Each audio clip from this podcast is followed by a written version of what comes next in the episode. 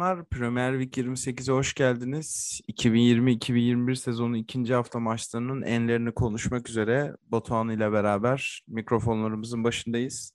İyisindir umarım Batuhan. İyiyim. Sen nasılsın Umut? İyiyim ben de çok iyiyim. Bu sabah çok yoğun bir güne uyandık kanalı içerisinde. Kutlanın öncülük ettiği. WhatsApp'ta Başı devamlı bir çektiği. trafik var. Neyse şey daha iyi. E, bura, bu kanalın daha iyi yerlere gelmesi için en azından bu yoğunluk. Evet evet. Kutlu'nun öncülüğünde hakikaten bir reform hareketi seziyorum ben kanalda. Ee, o zaman hiç uzatmadan direkt gündemimize geçelim. Tabii ki.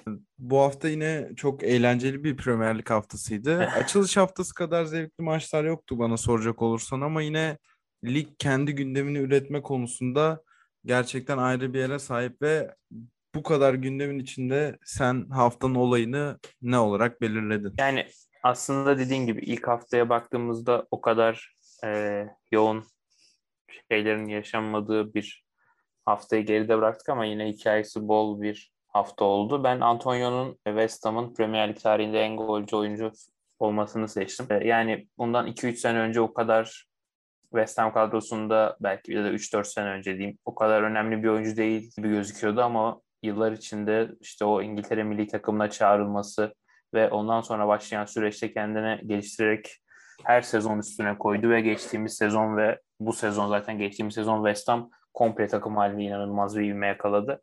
Ben açıkçası geçen sene seninle yaptığımız programlarda da söylüyordum yani umarım gelecek yıl e, bu düş, düşüşü yaşamazlar. Çünkü Big Six dışındaki takımların bir anda böyle parlayıp ertesi sezon düştüğünü çok gördük. Ama West Ham bu sene bu seneyi de iyi başladı ve o sallantıyı sanki yaşamayacaklar gibi geliyor ve Antonio'nun da bu yakalanan başarıdaki en önemli pay sahiplerinden biri olduğunu düşünüyorum. Kesinlikle katılıyorum. West Ham muhabbetini daha sonraki bir kategoride devam edeceğim ben. Şu anda Antonio'dan devam edeyim. Çünkü benim de haftanın olayı olarak seçtiğim Di Canio'nun 47 gollük rekorunu geçmesi oldu Antonio'nun. Ee, aslında sayı olarak hani bir kulübün tarihindeki en golcü oyuncu daha yüksek bir miktar bekleriz ama West Ham hakikaten gelen oyuncuların çok fazla durduğu bir takım değildir. Büyük takımdan önceki bir basamak olarak görürler genelde West Ham United'ı. İşte Tevez örneği var, Mascherano örneği var. 2000'lerin başında ve ortasında saymak gerekirse Yani- onları en ikonik hamleler Aha. diye yorumluyordum ben onları. Aslında şey bu yani şeyden Hı. Ekleme yapayım hani Premier Lig tarihinde dediğimiz için 49 oluyor aslında. Hani şu anda takımın en golcü oyuncusu aslında çok eskiye git, gideceğiz. 1920 ile 1935 arasında oynayan Vic Watson 326 gol. Hani kulüp tarihinin en golcü oyuncusu aslında o o e, Vic Watson ama burada Premier Ligi yani 28-29 yılı baz aldığımız için 49 gol hani az gibi görünebilir. Evet evet. Ben de o zaman bütün söyleyeceklerimi Premier Lig parantezi için içerisinde söylemeye devam edeyim. Ve yani dediğin gibi Antonio'nun şurada bir çıkışı vardı 5 sene 4 sene önce. Sonra tekrar hani normal gelen bir düşüş vardı. Ama David Moyes'un eklenmesiyle birlikte işte attığı goller dediğin gibi milli takım söylentileri ki oyuncunun özgüveninin yerine gelmesi bence şeye de tekabül ediyor. Bu Euro 2020'nin başında Jamaika milli takımını seçtiğini açıklamıştı ki yakında da orada milli maçları başlayacakmış. Ee, yani oyuncu şu anda gerçekten bir külte dönüşmüş durumda ki İngiltere milli takımında oynamamış mıydı ya? Ben mi yanlış hatırlıyorum? ya bir çağrılmıştı diye hatırlıyorum ben de ama tercihini sonradan Jamaika'dan yana kullandı. Veya hiç çağrılmadı da şey söylentisi mi olmuştu? Öyle bir şeyler tam net emin değilim. Ve gol sevinci de bence çok ikonikti yani benim uzun süredir bu kadar enteresan bir gol sevinci görmemiştim ben. Yani gol sevinci olarak da aslında onu oraya bilerek mi koydular yoksa da onu tam bilmiyorum. Daha önce de rastlamadığım bir şeydi yani. Belki diğer oyuncuların da vardır ama Antonio'nun bu özel durumu sebebiyle oraya o kondu mu ondan onu bilmiyorum. Hiç okum denk gelmedi yani. Senin bir şeyin var mı? Ya benim de bir haberim yok ama herkes zaten bekliyordu yani bu maça çıkmadan. Antonio'nun rekoru kırması olağanüstü bir hadise değildi. O yüzden özel bir hazırlık olmuş olabilir. Ki kendisi de maçtan sonra yaptığı açıklamada bu rekor olayının ne kadar baskı yarattığını vurguladı. Hani genel anlamıyla mutluydu ama ilk yarıda mesela maçı izleyenler fark etmiştir. E, Bencilce oynadı. Tırnak içerisinde forvet bencilliği yaptı. İkinci yarı normal oyununu oynamaya başladığı zaman iki tane gol buldu. Kendisi de açıklamasında bunu belirttiği için daha özgüvenli şekilde söylüyorum bencillik yaptığını. O yüzden güzel bir olayı geride bıraktık bu hafta. E, bu arada Antonio 2016'da Sam Allardyce tarafından çağrılmış ilk kez kadroya İngiltere'de. 2018'de de Slovakya maçında oynamış ama bu Şubat ayında işte senin de söylediğin gibi Jamaika'yı tercih etmiş. Evet. evet. Ee, o zaman Antonio üzerine ekleyeceğimiz başka bir şey varsa dinleyelim. West Ham programın ileriki dakikalarında hı hı. tekrardan gündeme gelecektir zaten. Benim yani Antonio üzerinde ekleyeceğim şey. Hı hı. O zaman haftanın maçını alayım senden. Yani haftanın maçı olarak ben Arsenal Chelsea'yi seçtim. Yani birazcık kolay bir seçim gibi gözükebilir ama özellikle Chelsea'nin oynadığı oyun ve ortaya koyduğu o farklı performans beni çok etkiledi. Yani ben maçı bir daha izledim sonrasında canlı izledikten sonra. Gerçekten Tuhel'le Chelsea'nin geldiği seviye özellikle Lukaku'nun eklenmesi ve şu anki mevcut haliyle bu kadronun derinliği ve bu yani bu kadar derin bir kadro olmasına rağmen hala kiralıkta 13-14 oyuncu var. Ve onlardan biri işte Crystal Palace'a kiralanan Gallagher muhtemelen yani ilerleyen dönemde işte Mason Mount gibi bir konuma gelecektir diye düşünüyorum. Hani bu kadar derinlikli bir kadroya bu kadar uyum sağlayabilmek ve yani Lampard döneminde neredeyse şey e, yani Arsenal'in durumuna doğru ilerliyor gibi gözüküyordu Chelsea ama Tuchel'le çok farklı bir seviyeye çıktılar ve Arsenal maçı da bunu e, bir kez daha teyit etti. O yüzden ben e, Chelsea özelinde bu maçı seçtim. Yani diğer maçlarda da hani keyif keyif aldığım maçlar oldu. Ama bu maç bu maçı izlerken hem Lukaku'nun bireysel performansı hem Chelsea'nin takım halindeki performansı beni etkiledi. Hı hı. Ben o maç biraz daha tek taraflı seyrettiği için o maçtan ziyade haftanın çekişmeli maçlarından biri olan United Everton maçını seçtim. Aslında maçı canlı izlemedim ama daha sonradan Fantazide ilk 11'imde olan Yerimina'nın sıfır puan almasını merak ettiğim için tekrar izledim. hani bu adam ne yaptı sahada diye. Çünkü bir puanla kaybettim bu hafta eşleşmeyi ben. Yerimina yanlışlıkla bir puan falan alsaydı eşitlik olacaktı. Ve hakikaten izlerken keyif aldım. Zaten hani bu Big Six haricindeki ama B sınıf diye adlandırdığımız takımların birbiriyle kapışması beni her zaman çok cezbeder. O yüzden gayet verim aldığım bir maç oldu. Zaten haftanın en gollü maçlarından da biriydi. Karşılıklı olarak diyelim. Tabii City tek taraflı domine etti ama. Evet yani City'nin Guardiola döneminde böyle belki 10-15 tane maçını çok rahat izlemiş. Belki daha fazla yani. Yani bu, bu şekilde başlayıp bu şekilde devam eden hani liste yapsak o liste eminim çok uzun e, uzayabilir City özelinde. Katılıyorum. Haftanın sürprizi. Haftanın sürprizi West Ham Leicester seçtim ben. Ee, yani ben böyle bir sonuç beklemiyordum açıkçası. West Ham Leicester özelinde. Tabii ki iki tarafa da gidebilecek bir maçtı ama ne West Ham'ın tabii ki kırmızı kart etkiledi ama 4 gol, 4 gol atması hem de e, West Ham'ın kırmızı karta kadar olan bölümde de aslında Leicester'a oldukça e, sorun çıkartabileceğini izledik. Yani bu hafta özelinde bence en şaşırdığım sonuçlardan biri bu oldu benim hem e, West Ham'ın performansı hem de yani Leicester'ın birazcık sanki sezona daha tam başlayamamış görüntüsü beni birazcık şaşırttı açıkçası. Yani hem kırmızı karttaki kırmızı kartın öncesindeki işte Schmeichel'ın kısa düşen pası, onun öncesinde işte Çağlar'ın hatası, Wardy'nin hatası birazcık hani dağınık bir görüntü vardı. O yüzden hani bu maç özelinde iki tarafın da ortaya koyduğu şeyler sebebiyle ben bunu seçtim. Ya West Ham United hakikaten fizik olarak çok büyük üstünlük kurdu o maçta Leicester'a ve ben hani Leicester'ın biraz daha sağ dışına çıkmak gerekirse o iki sene arka arkaya yaşadığı Şampiyonlar Ligi buhranından bu sene çıkamayacağını düşünüyorum açıkça söylemek gerekirse ve hani oyuncuların bazılarının da Leicester hani bir, bir nevi Tottenham'da benzerlik kurulabilir. Leicester döneminin de bittiğini düşünüyorum. En azından fiilen. Hani hala devam ediyor ama ben bu psikolojiyi yönetebileceklerini düşünmüyorum Leicester City'nin büyük konuştum. Bakalım sezon sonu ne olacak. Ben haftanın sürprizi olarak Manchester United'ın puan kaybını seçtim. Çünkü çok ivmelenerek başlamışlardı. Hem transfer döneminde hem sezonun ilk haftasında oynadıkları Leeds United maçıyla beraber. Ve hani puan kaybı tekrardan bir transfer harekatında başlattı. İşte ben dün Saul'ü çok ciddi okudum. Gary Neville'ın Harry Kane üzerine bir düşüncesi var. hani United şampiyon olması için hala bu Hı hı. eklemeler yeterli değil. Neden Kane'e yönelmiyorlar gibi bir serzeniş oldu. Kane özelinde değil. Herhangi bir oyuncuya şu anda 150-170 vereceğini sanmıyorum United'ın şu saatten sonra. Yani Neville'ın düşüncesi böyle ya da alalım gibi bir şey değil de hani onu almalıydı Ha, alınsa- tarzı. Ha, alınsa bence de çok yararı olur. Hı hı. Hiçbir zararı olmaz. Ha, o 170 milyonu o 2-3 yıl içinde çok rahat çıkartır zaten ama hani United'ın bu topa gireceğini çok zannetmiyorum.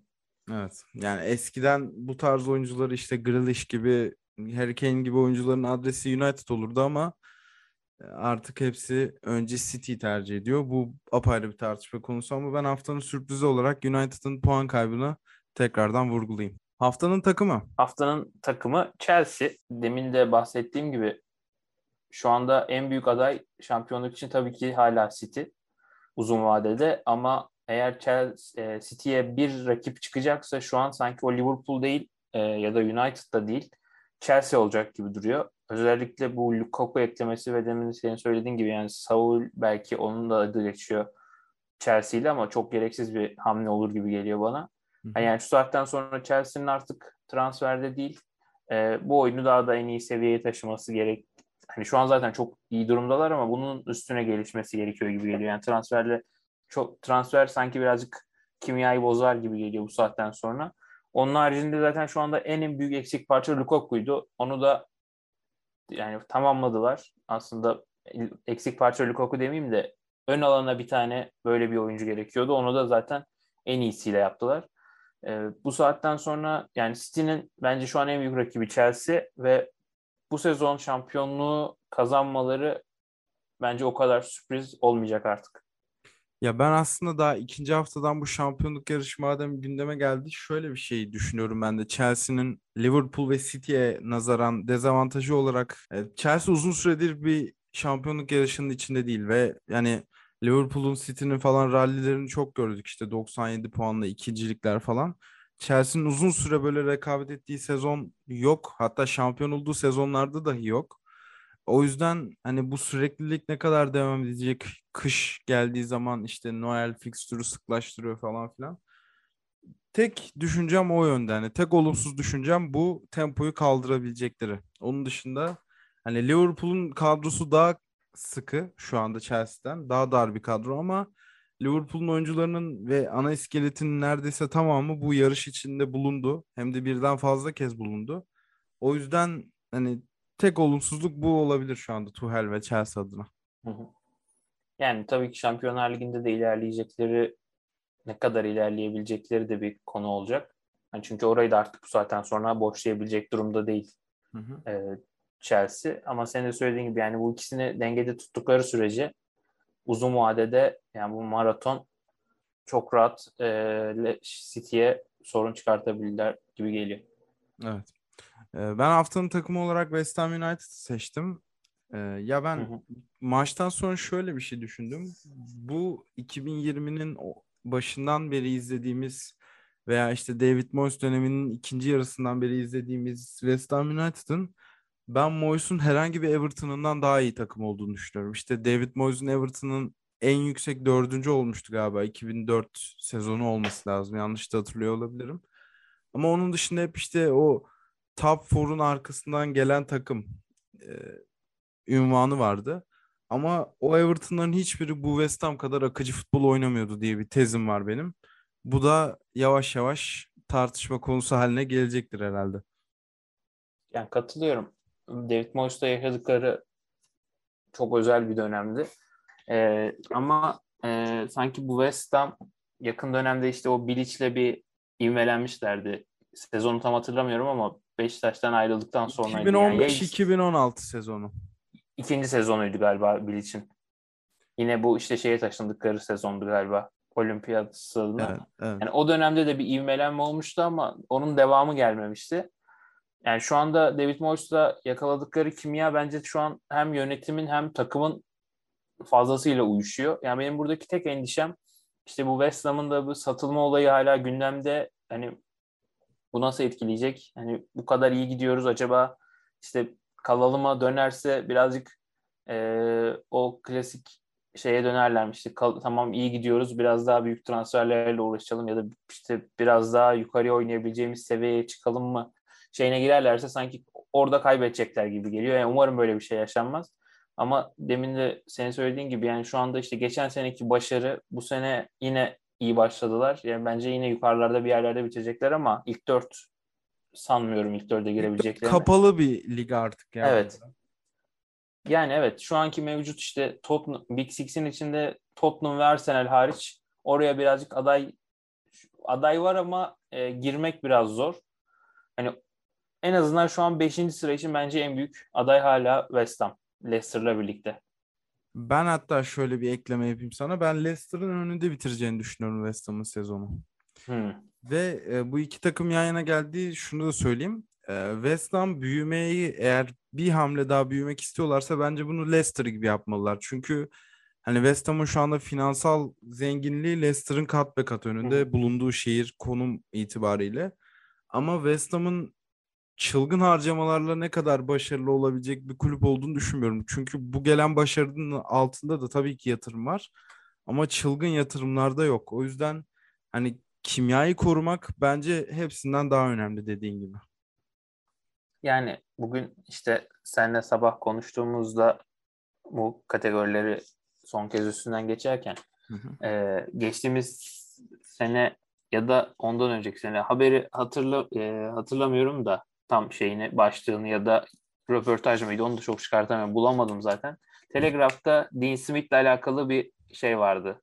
Ya röpor ya geçtiğimiz sezonun sonu ya da geçen bir önceki sezonun sonu. Tam ertesi gün yani sezonun son maçları oynandı. Ertesi gün Telegraph çıkmıştı. E, kulüp sahipleri işte Aston Villa'nın e, hedef olarak Leicester'ı örnek alıyoruz diye bir demeç vardı orada. Yani aslında şu anda Big Six sabah benim de yani üstüne düşündüğüm şey buydu. Yani şu anda Big Six takımları dışında kalan takımların hani alt sıraların ya kalan 14 takımın diyeyim. Yapması gereken aslında Leicester'ın yapma, yaptığını yapmak. Yani belli bir bir anda bu büyük takımların arasına girmesi hepsinin zor.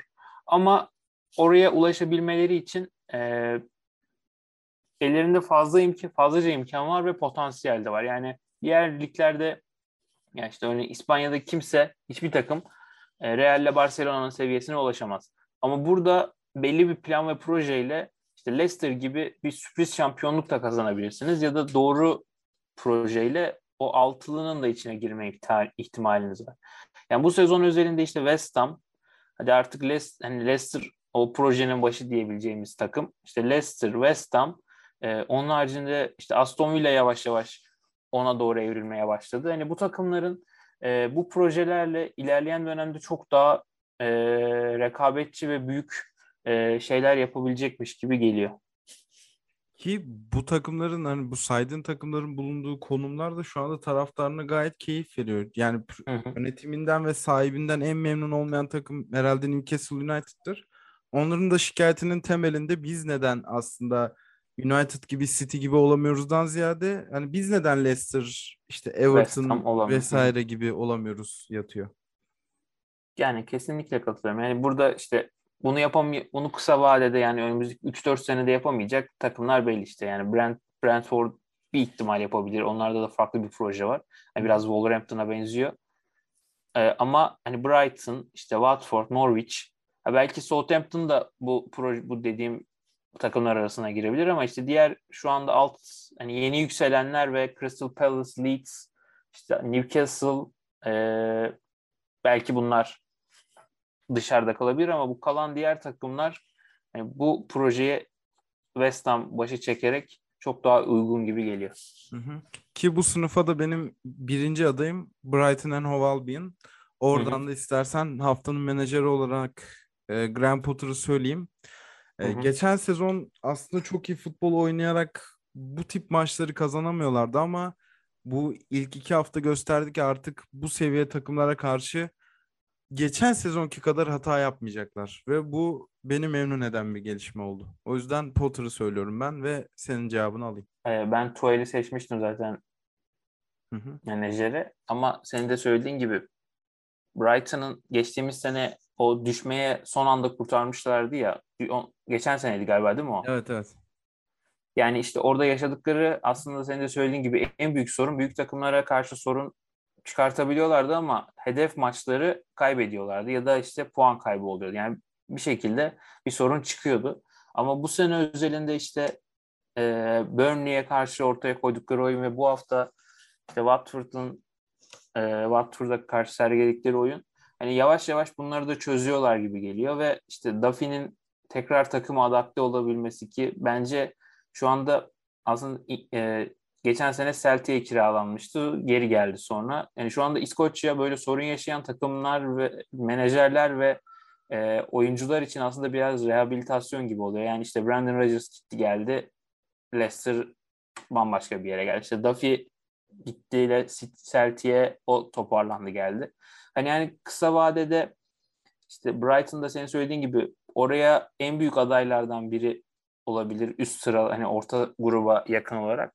Hani bunu Graham Potter'la yapmaları bence de çok daha özel olacak. Çünkü belli bir projeyle hareket ediyorlar ve bu projeden en azından hani kısa vadede belki saparlar diye düşünüyordum ben. Yani bu kadar inişli çıkışlı sezon yaşadılar ama ondan artık vazgeçmeyeceklerini rahatça söyleyebiliriz. Büyük e, orta yani orta gruba girebilecek en yakın takım şu anda senin de söylediğin gibi Brighton ve bunu belli bir Potter'ın projesiyle yapmaları da ayrıca e, çekici hale getiriyor.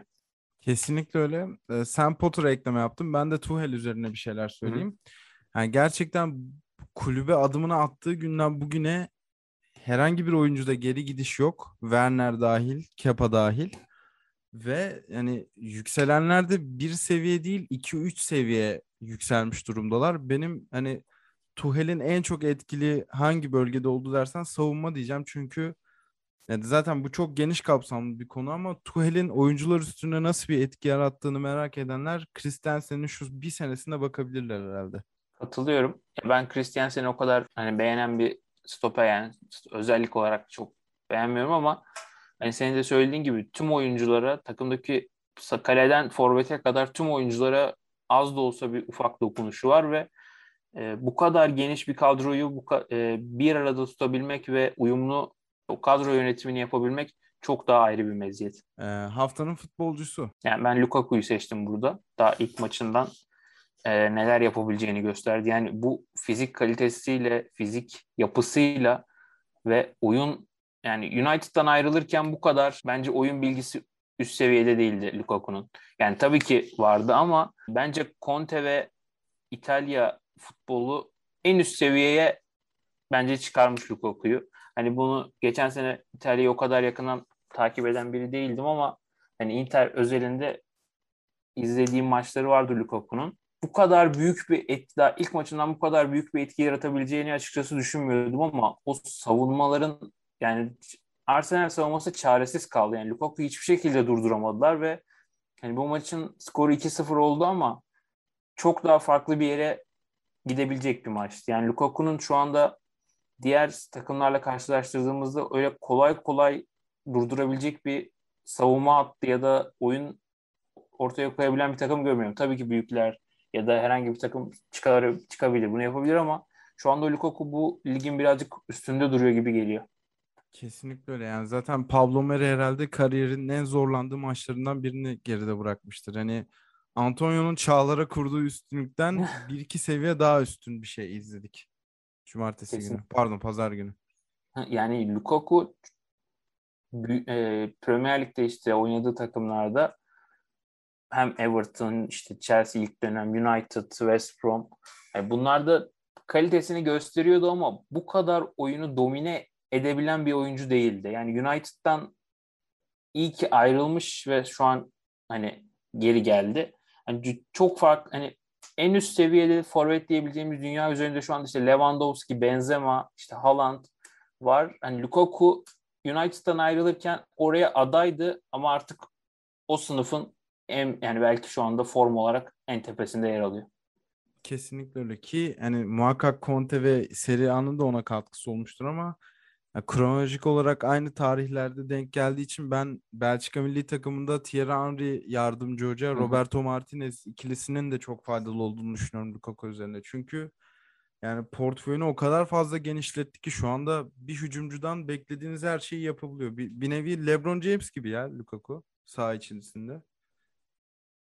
Yani o işte muhtemelen senin de Twitter'da akışına düşmüştür o. Geçtiğimiz sene bir Inter'de attığı gol var. Bir de işte bu Chelsea'deki ilk golünü attı. Aynı kopya gol. Yani tabii ki aynı seti çizmiş olmaya da bilirler ama işte oyun pratiği ve oyun zekasının Lukaku'nun ne kadar farklı ve bir anda o açıyı bulabilmesinin e zaten o pası verdikten sonra ceza sahası içine koştuğu an yani gol geliyorum dedi. İşte du, e, duvar oldu. Ondan sonra koşmaya başladığı an zaten yani Chelsea Chelsea'nin skor tabelasında bir yazmıştı yani. Oyun yapısı olarak şu an bu takım çok genel olarak Lukaku'suz çok farklı bir yerdeydi. Lukaku'yla bir üst sınıfa daha çıktılar. Kesinlikle öyle. Ki yani o golde payı biraz da Thomas Tuchel'e vermek gerekiyor. Çünkü o videonun akışına düş, akışımıza düştüğü zaman üstünde Türkçe olarak şey yazıyordu. Hani Tuhel Lukaku'nun kullanma kılavuzunu okursa gibi bir caption yazıyordu. Kimin attığını hatırlamıyorum ama oldukça katılmıştım. Ben de futbolcu olarak Antonio'yu seçtim. Az önce zaten konuştuk. Birebir aynı şeyleri söylüyorum. Etkileyici bir performans ve rekoru beraberinde getirdi. Ve attığı ikinci gol özellikle benim çok sevdiğim tarzda gollerden biri. O yüzden burada da payı kendisine verdim ve haftanın golü. E, haftanın golü Inks benim için. Hem e, işte o röveş, yarım röveşata değil, tam röveşata değil. Evet. Hani o golün işte o uzun taç atışından sonra işte sekerek gelmesi ve bir anda boş kalması aslında hem attığı gol böyle çok estetik bir gol hem de onun üstüne şu an çıkabilecek bir gol açıkçası bu hafta olmadı. Geçtiğimiz ya golden sonraydı, golden sonra olması lazım. Ee, Aston Villa'nın işte bu işte duran toplarla alakalı bu sezon yeni bir antrenör almışlar ve hani bu tarz şeyleri daha önce çalışıyorlarmış antrenmanlarda ve hani belli bir şablon halinde e, ilerliyorlarmış. Taç atışı, e, duran toplar halinde taç atışı da dahil buna. Hı hı. Hani yani belki birazcık şey gibi durabilir klasik bak, baktığımız zaman biraz aniden gelişen bir atak ama aslında planlı bir e, organizasyonmuş. Hani zaten estetik olarak mükemmel bir gol. Yani onun haricinde benim çok geçtiğimiz hafta gibi e, ikilemde kaldığım bir kategori olmadı bu. Benim oldu ve hani programda şov yapmak gerektiği an yakalamış durumdayım. Ben e, daha organize bir ataktan dolayı geliştiği için ve asistini daha şık bulduğum için e, Sadio Mane'nin attığı golü seçiyorum bu hafta. Çünkü yani pozisyonun gelişimi Van Dijk'ın ters ayakla attığı uzun top, Harvey Elliott'ın mükemmel kontrolü ve orta yapası. Yani Trend'in hakikaten benim diyen orta sahalara taş çıkaracak bir dokunuşu ve Mane'nin attığı gol.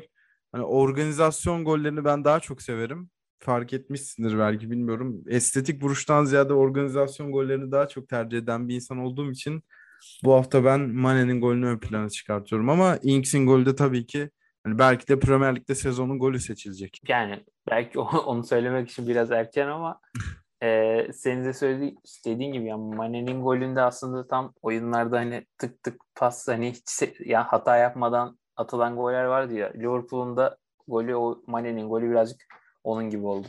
Kesinlikle. Ve e, son kategorimize geliyoruz. Hayal kırıklığı. Yani hayal kırıklığı ben ilk başta sana Arteta'yı söylemiştim ama aslında bunun sezonun geneli, geneline yayı, yayılacağını e, düşündüğüm için onu değiştirdim. Ben Leicester'ın e, hem bireysel hem takım performansını seçtim burada. Hı hı. Yani işte ilk başta konuştuğumuz konuştuğumuz gibi yani Leicester'ın bu maç özelinde bireysel olarak hem Çağlar'ın hem işte Schmeichel'ın o gol, e, kırmızı karttan önceki pası sebep oldu. İşte Vardy'nin hatası ilk gole sebep oldu. İşte Çağlar'ın hatası aynı şekilde. Hani yani hem oyuncuların bireysel anlamda yaptığı hatalar hem de maç içinde çok çabuk dağıldılar. Yani Leicester'dan beklemediğimiz bir sorundu bu.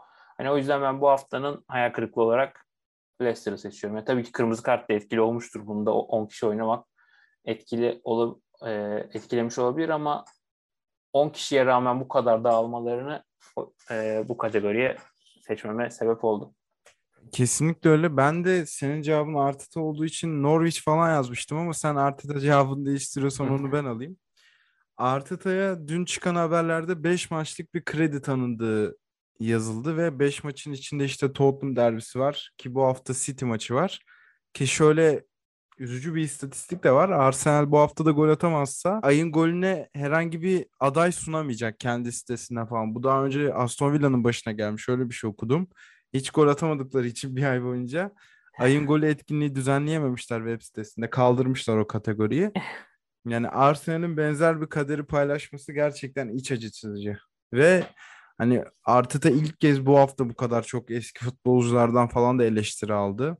İşte Hı. bu Karisanya çok konuşuldu. Hani sadece genç oyuncuları 150 milyon harcayarak nereye varmaya çalışıyorsunuz? İşte birinin bugünü de düşünmesi lazım. DNA'mızı kaybediyoruz zaten. Arsenal konu olunca devamlı bu DNA lafı ortalıkta dolaşır. Hakikaten üzücü ya Arsenal'ın geldiği durum.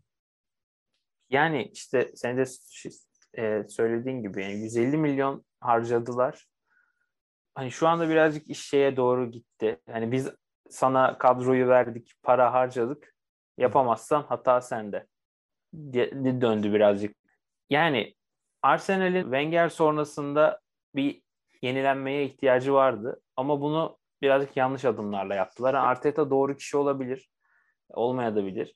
Ama işte United nasıl o Mourinho ile aslında ikisinin de benzer yol yolları aynıydı. Yani işte bir yerde Emery vardı, bir yerde profil olarak bahsetmiyorum. Biri Mourinho, biri Emery ile ilerledi. İşte Mourinho'dan çok fazla ağzı yandı United'ın. Ondan sonra takımı bilen birine geldi ve belli doğru projeyle şu anda United'ın geldiği seviye ortada. Arsenal'in de bunu yapması gerekiyordu ama yani Arteta'nın sanki menajerlik anlamında çok erken davrandığını yavaş yavaş düşünmeye başlıyorum. Yani bu kadar yani Big Six takımına bir anda böyle işte Guardiola'nın yanından ayrılıp Guardiola hazır evet büyük takım yönetmeyi diyordu ama hani alınan sonuçlar bunun hazır olmadığını gösteriyor. Hani yani iyi kötü bir yerde bir, biraz daha deneyim kazanıp sanki dönse daha farklı bir yere gidebilirdi. Ha bu Arteta'ya zarar ver, verdi bu süreç. Ha, bundan sonra Arsenal'in toparlanması biraz daha zor olacak. Ama bunu daha en azından nasıl yapacaklarını bence birazcık anladılar gibi geliyor. Yani bir kurucu hocayla bu tekrar eski günlerine dönmeye çalışacak gibi Arsenal. Yani senin de söylediğin gibi Arteta'nın 5 maçlık kredisi bence hiçbir anlam ifade etmiyor. Ha bu beş, önümüzdeki 5 maç 5 maçı da kazanır. E ondan sonra yine aynı şey olsa 2-3 maç kaybetse yine aynı duruma gelecekler. Hani o yüzden hem yönetimin hem Arteta'nın bence çok belli bir plan dahilinde hareket ettiklerini düşünmüyorum. Tabii ki e, transfer eden oyuncular bunu anlatıyor. Ama hani belli bir şablon üstünden çok ilerliyorlar gibi gelmiyor. Bence Arteta kumar açısından bu takımı tekrar toparlama açısından doğru isimdi. En azından mantıklı bir isimdi ama bence Emery o kritere pek uyan bir isim değildi. Bence Arsenal hani tabii ki iki sezon geçti artık üstünden ama hatayı en başında Emery'e giderek yaptı. Ki Arteta konusunda ben çok hevesliydim ve heyecanlıydım ilk geldiği adını çıktı dönemlerde. Çünkü işte Guardiola'nın yanında bir staj. Onun dışında da zaten başka bir menajerlik kariyeri yok Arteta'nın. Çok erken olduğu konusunda da katılıyorum bu görüşe. Ama çok umut verici bir proje şu anda dibe doğru gidiyor. İşte bu kış iki sezon, iki tam sezon olacak, iki tam yıl olacak Arteta'nın geldiği. Şu anda altyapıdan çıkan genç oyuncular haricinde takımın herhangi bir kat ettiği yolu sayamıyoruz. Ne sıralama olarak ne futbol olarak. O yüzden Arteta'ya da yakın zamanda bir İskoçya rehabilitasyon merkezine gidip Premier Lig'e geri dönmesini bekliyorum. Yani İskoçya bence zor. Şu anda hiç kimse almaz. Hani Celtic bir ihtimaldi ama onlar da yeni işte antrenörüyle aslında ben o kadar iyi uyum yakalayabileceklerini düşünmüyordum ama orası da toparlandı. Celtic de toparlandı. Rangers'ın durumu zaten ortada. Yani Arteta'nın bu iki takım dışında birine gidebilir mi? Emin değilim. Belki en azından senin söylediğin gibi rehabilitasyon için belki Championship ya da işte Premier Lig'de başka bir takım olur diyeceğim ama Premier Lig'de de şeyler kapalı.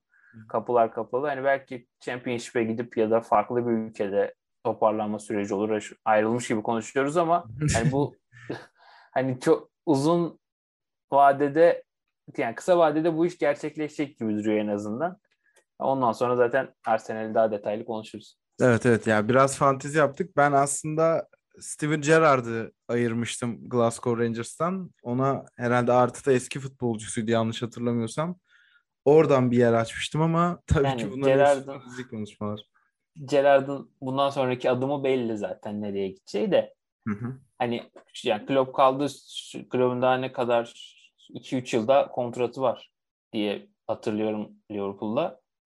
Hani yani ki şu anda işte tüm takımında zaten 4-5 yıllık yeni kontratlar yapıyorlar takımın ana iskeletiyle. Hani yani bu Liverpool'un da aslında kısa vadede Klopp'la yolları ayırmak istemediği için hani Gerrard'da birazcık daha uzun İskoç kariyeri gözüküyor.